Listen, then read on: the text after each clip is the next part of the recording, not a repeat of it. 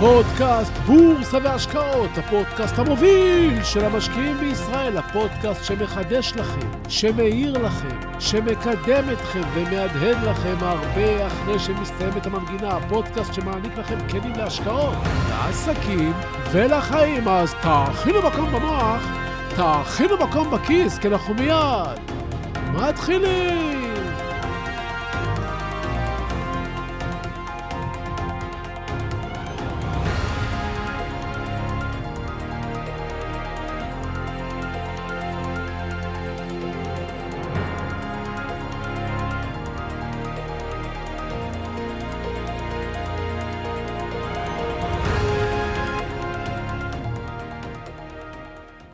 שמעתי רעש בחצר האחורית של הבניין שגרתי בו. ילדים סקרנים, תמיד חייבים לדעת מה קורה. בתוך דקות כבר עמדנו על החומה הגבוהה שהפרידה בין הבניין שלנו לבניין שמאחור. הבניין מאחרי הבניין שגרתי בו לא היה בניין רגיל, זה היה בניין ישן, ששכנה בו ישיבה של חסידות קטנה. בבניין הזה, בקומה הראשונה, התגוררו הרב והרבנית וארבעת ילדיהם. בקומה השנייה היה בית כנסת גדול, בית מדרש ומטבח, שהאכיל את אלה שלא היה להם תמיד מה לאכול. ובקומה השלישית, כמה חדרים בהם לנו בחורי ישיבה. בקומה מינוס אחד היה אולם ענק, ובו תנור לבנים אדומות שאפו בו מצות שמורות וכשרות במיוחד לפסח.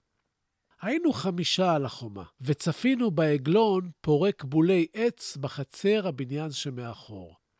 בולי העץ, כבר ידעתי, היו לטובת הבערת האש בתנור שיאפו בו בקרוב מצות לחג. העגלון עמד מול ערימת העצים ושאל את הרב הישיש שיצא לשלם לו אם אין לו בחורים שיבואו לעזור. יש הרבה עבודה, הרבה בולי עץ, והעגלון הזקן נראה תשוש. אין לי. כולם בירושלים, משך בכתפיו הרב הישיש. ופתאום מבטינו הצטלבו. הוא הביט אלינו. מה אתם אומרים, נלך לעזור ונבקש כסף על העבודה? שאלתי את החברים. לא, אחד אמר. הוא לא יסכים, אמר השני. הוא בכלל לא ישלם, אמר השלישי, והרביעי שתק. מה יכול להיות, אמרתי לעצמי. קפצתי מהחומה וניגשתי אל הרב.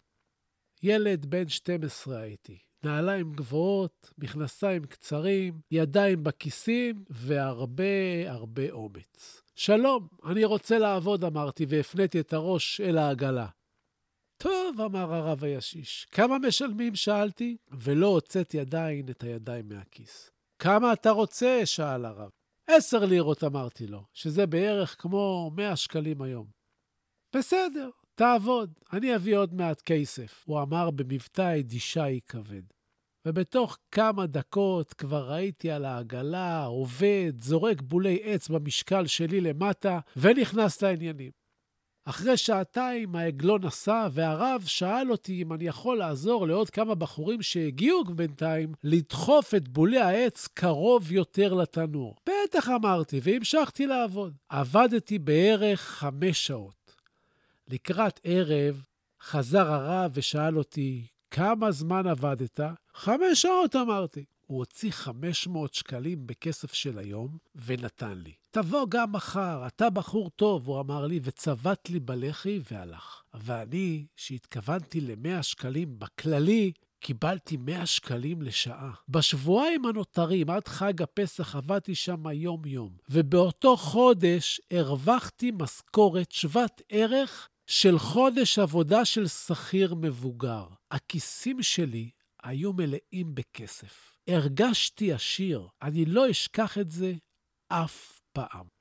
הייתי ילד עצמאי מאוד. לא נתתי את הכסף להורים שישמרו לי ולא תכננתי איתם מה לעשות עם הכסף. הכסף נשאר אצלי בכיס. הרגשתי את הכוח שלו. דמיינו, ילד בן 12 עם סכום שווה ערך היום לאלפי שקלים בכיס, נכנס לקיוסק, הפיצוצייה של פעם, ומבין שהוא יכול לקנות כל מה שבא לו. הארה. מאז, אגב, בכל פסח עבדתי אצל הרבי, וגם בסוכות הייתי עוזר בבניית הסוכה שהם הקימו מדי שנה. הייתי ילד עשיר, אבל בזכות עצמי. אהבתי את זה מאוד. היינו חמישה על החומה באותו יום. בפני כולנו עמדה אותה הזדמנות, אבל רק אני לקחתי אותה. וזה קרה לי עוד הרבה פעמים במהלך החיים. אבל למה? יש לי מטבע ביד, ואני מציע לכם לשחק עץ או פאלי. עץ, אתם מרוויחים אלף שקלים. פאלי, אתם מפסידים 500 שקלים. תשחקו איתי? רוב האנשים לא יסכימו. דניאל קנמן, שזכה בפרס נובל, עשה את הניסוי הזה על המון בני אדם במסגרת מחקר, והם לא הסכימו לשחק. עץ, אתם מרוויחים אלף שקלים. פאלי, אתם מפסידים 500. הרוב מסרב. המוח שלנו בנוי בצורה כזו, שכאשר ישנה אפשרות שנפסיד, כל המיקוד שלנו מתרכז בהפסד. אנחנו ננעלים על האפשרות שנפסיד. משותקים ממש, ולא לוקחים סיכונים. הימורים זה דבר רע, אבל בעסקים, בהזדמנויות, זו ברכה. שנאת ההפסד טבועה בבני אדם בקרב כל שכבות האוכלוסייה. עניים, עשירים, מלומדים ובורים. בני אדם מעדיפים להישאר באותו מצב ברגע שיש להם סיכוי להפסיד. אפילו אם סטטיסטית הוא הרבה יותר נמוך מהסיכוי להצליח. כשעמדנו החברים שלי ואני על החומה, הם פחדו להפסיד. להפסיד את הזמן בעבודת חינם, שלא ישלמו לנו. להפסיד את הכבוד העצמי אם לא יתייחסו אלינו. להפסיד זמן משחק. להפסיד את אזור הנוחות על החומה. למעלה ירגיש לנו מאוד נוח ובטוח. אם חושבים על זה, כל ההמצאות וההתקדמויות בעולם הן בגלל מישהו שהתגבר על הפחד. הסכמי שלום, צנתורי לב, ניתוחי מוח, מטוסים, מכוניות חשמליות ואפילו רגילות. כשמפסיקים לפחד להפסיד, מתחילים להרוויח. כאשר אנחנו מנצחים את עצמנו, קל לנו לנצח את העולם. כשאנשים מתגברים על שנאת ההפסד, הם מעזים, משנים, פורצים גבולות ומביאים את החדשנות. והחדשנות משבשת את מה שהיה קיים כאן עד כה. בדיוק על זה רציתי לדבר איתכם היום. שלום וברוכים הבאים לפודקאסט בורסה והשקעות, הפודקאסט המוביל של המשקיעים בישראל. היום נבין מה זו טכנולוגיה וחדשנות משמשות, ואיך עושים מזה כסף, לדבר על השקעות, רעיונות וכמובן עוד דברים מפליאים. אז תהיו ממוקדים, תכינו מקום במוח, תכינו מקום בכיס, כי אנחנו מיד ממשיכים.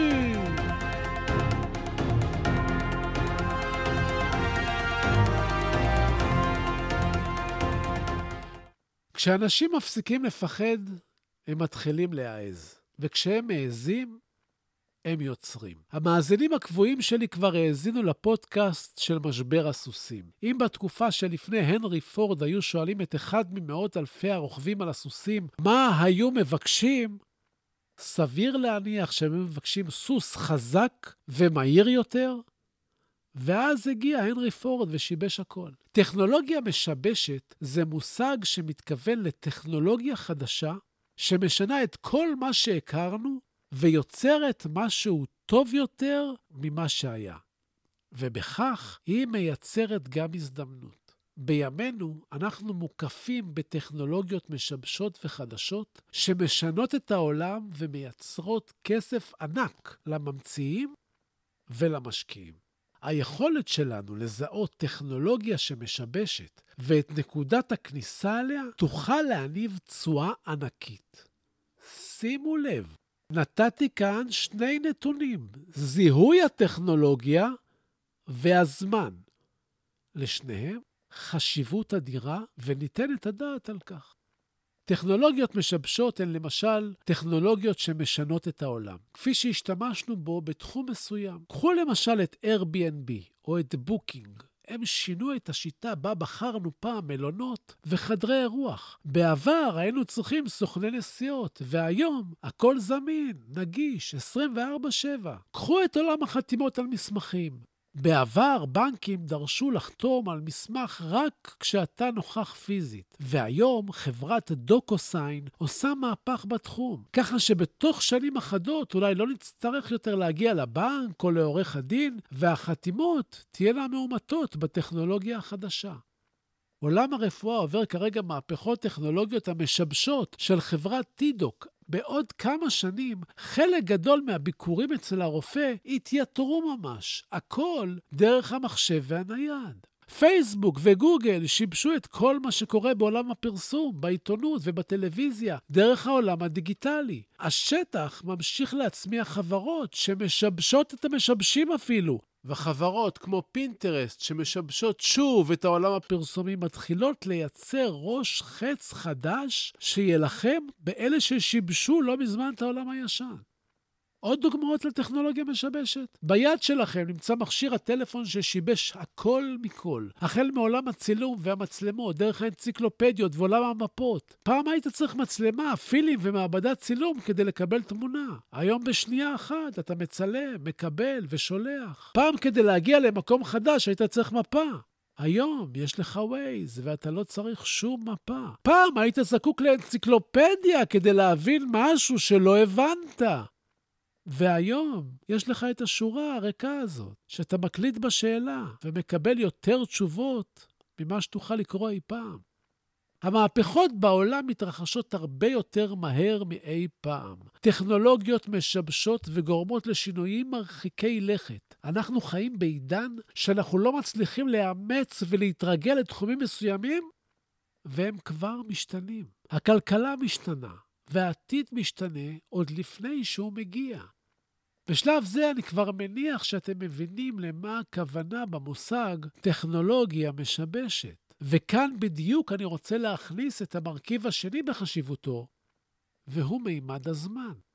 ישנן לא מעט חברות טכנולוגיות חדשות שעשויות להיות משבשות, אבל בסופו של יום, מסיבה כזו ואחרת, הן לא מגיעות, מה שנקרא, לקו הגמר. וכמו אפרוח שלא בקע בסוף מהביצה, הן נמוגות בעולם הכמעט הצלחנו. כלומר, מכאן אנחנו מסיקים שאם נשקיע בכל מה שיכול להיות טכנולוגיה עתידית משבשת, אנחנו עדיין יכולים להפסיד לא מעט כסף. אחת המילים החזקות אצל המשקיעים היא פוטנציאל. אם חברה זו או אחרת תצליח, אז הפוטנציאל הוא, וכל אחד יכול להכניס את התיאור שהוא אוהב. אבל מה לעשות? לפעמים, והרבה פעמים, פוטנציאל נשאר רק פוטנציאל, והכסף נשרף. אנחנו לא רוצים לשרוף כסף, כי זה גם לא חוקי, אבל זה גם לא מוסרי. אז לזמן יש משמעות, וכדי להבין את זה, נלך לצפות בביטקוין. הביטקוין הוא טכנולוגיה משבשת, משהו חדש, מכשיר השקעה. יש שמכנים אותו הזהב של הדור החדש ועוד כהנה וכהנה. עכשיו, שימו לב למימד הזמן בביטקוין. הביטקוין הומצא בשנת 2009. שנים הוא דשדש. שנים הוא היה מנודה ולא מקובל. לקח לו 12 שנים לחצות את שער ה-20 אלף דולר ולהיות מקובל במיינסטרים. אבל אז, כשהוא התחיל להיות מקובל, הוא קפץ בפרק זמן קצר ל-60 אלף דולר. הביטקוין עשה תוך כמה חודשים מהלך גדול יותר מהמהלך שלקח לו הרבה שנים. ולמה? כי ברגע שהטכנולוגיה המשבשת התקבלה אצל כולם, הריצה החלה להיות ממש כמו מגפה, וההדבקה הפכה להיות אקספוננציאלית. כלומר, כדי להרוויח כסף, אנחנו חייבים לבנות לעצמנו תהליך. 1. איתור, 2. זיהוי, 3. מעקב, 4. כניסה בנקודת הפריצה. נפרט. בתהליך האיתור אנחנו פשוט מגלים ערנות חדשה לכל מה שעשוי להיות טכנולוגיה משבשת. כאן המקום להרחיב אופקים, להרים אנטנות, לקרוא באתרים ובעיתונים של טכנולוגיה, חדשנות, רפואה, וכל מה שיכול לרמוז לכם על משהו חדש. לאחר שחיפשתם, ויש לא מעט, תנסו לזהות, לפי הבנתכם, מה יוכל להיות משבש. לאחר מכן, תתחילו במעקב. שימו לב, זה יכול לקחת זמן, הרבה זמן. תזכרו תמיד את הדוגמה של הביטקוין. והכי חשוב, זה לזהות בסוף את רגע הפריצה. כשהטכנולוגיה המשבשת פורצת, הכל מתרחש מהר. המניה רצה חזק וחד למעלה. ככל שעוד ועוד יבינו שיש כאן מהפך, השיבוש הזה יהיה חזק ואגרסיבי. עד שלאחר חודשים או שנים תגיע התייצבות, והטכנולוגיה המשבשת תהפוך להיות מיינסטרים, חלק מהחיים שלנו, עד שיגיע משהו שישבש אותה. ועוד משהו חשוב, אני מבקש, תאמינו בעצמכם. תאמינו שאתם מסוגלים לאתר ולזהות טכנולוגיות משבשות. דווקא בגלל שהמחשבה שלכם לא מנווטת ולא משוחדת. יש לכם את היכולת לבוא עם חשיבה נקייה ומזוקקת, לאתר, לזהות ולעקוב. זה לא מסובך. דווקא מי שחי בתוך התעשייה פספס לא פעם. אתם יודעים את זה? אתם רוצים דוגמאות? בבקשה. בשנת 1949 אמר מנהל בכיר בחברת IBM שאולי יזדקקו בעולם לחמישה מחשבים, לא יותר. בשנת 1977 אמר קן אולסון, שהוא מייסד חברת DEC, כי לאף אדם אין שום סיבה לשים מחשב בביתו. בשנת 1977. בשנת 1981 אמר ביל גייטס כי 640 קילובייטס מספיקים לכל אחד. הבעלים של Warner Brothers שאלו מי לעזאזל רוצה לשמוע מה השחקנים אומרים. זה היה בשנת 1927, כשהתחילו להוסיף קול לסרטים. בשנת 1982 אמרו ב-IBM כי מחיר של 100 מיליון דולר גבוה מדי עבור מייקרוסופט, והם לא קנו אותה. ויש עוד ועוד דוגמאות כאלה. המחשבה שלכם, המוח שלכם, שם מצוי ההון שלכם. תתחילו לחפש. ככה עושים מזה כסף. ועכשיו, עכשיו לפינת הטיפים שלנו.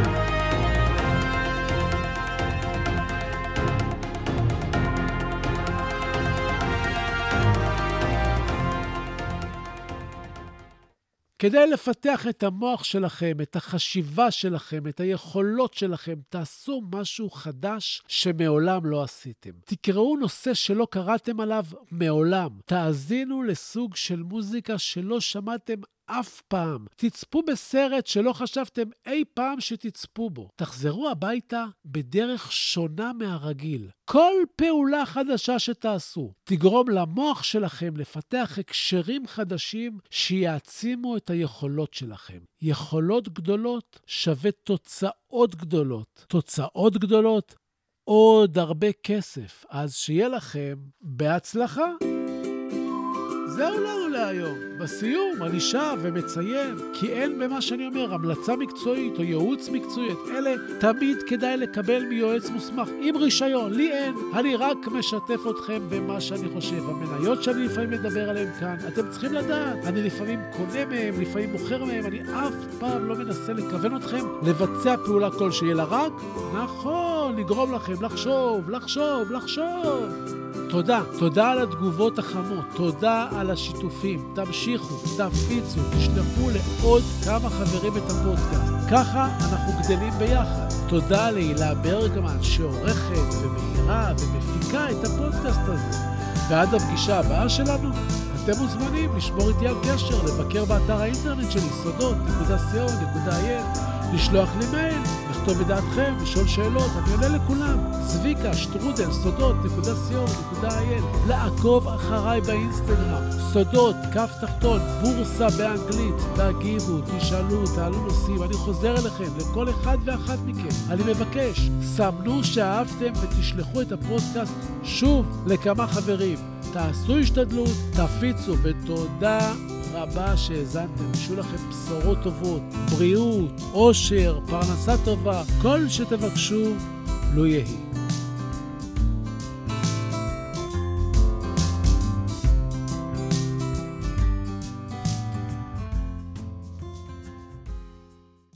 אם רודיארד קיפלינג. אם תוכל לשמור על שקט וקור רוח, עת מסביב לך. שוררת מבוכה. אם בין מפקפקים תוסיף להיות בטוח, אבל גם לספק תדע לתת לבך. אם להמתין תוכל בלא להתייגע, אם ממרמה תרחק, עת היותך תסוב, אם בשנאה תוקף, ובה לא תנהגע, מבלי להיראות חכם מדי, או טוב. אם כל חלומותיך יהיו לעבד, אם מחשבות לך כאמצעי בלבד, אם ניצחון תפגוש, או מפלה נוקבת, ובשניהם, בני בלע, תנהג מנהג אחד. אם תוכל לסבול דברים אשר השמעת, בהיסלפם להיות מלכודת לבורים, אם עת מפעל חייך תראה שוקע מטה, ושוב תחל לבנות אותו מן השברים, אם לאסוף תוכל את כל דברי הערך אשר לך, לערמה ולסגנם, להפסידם ולצעוד מראש הדרך, בלא להפטיר מילה על שאבד חינם. אם לבבך יוסיף לפעום ללא מנוח, וגם בכבוד העול, בעול יהי מושך. ולא יחדל עת אבד ממך כל הכוח, כל עוד רצונך קורא אליו. המשך. אם בין המונים תחזיק במידותיך, ובחצר מלכות תדע לנהוג פשטות. אם לא יאכלו לך אויביך או רעיך, אם כל אדם תוקיר כיאה וכיאות. אם למלא תוכל כל דקה לא נסלחת, בשווי ריצה למרחק של שישים שניות. לך, לך תהיה הארץ וכל אשר עליה, ועוד יותר מזה, בני, תהיה אדם.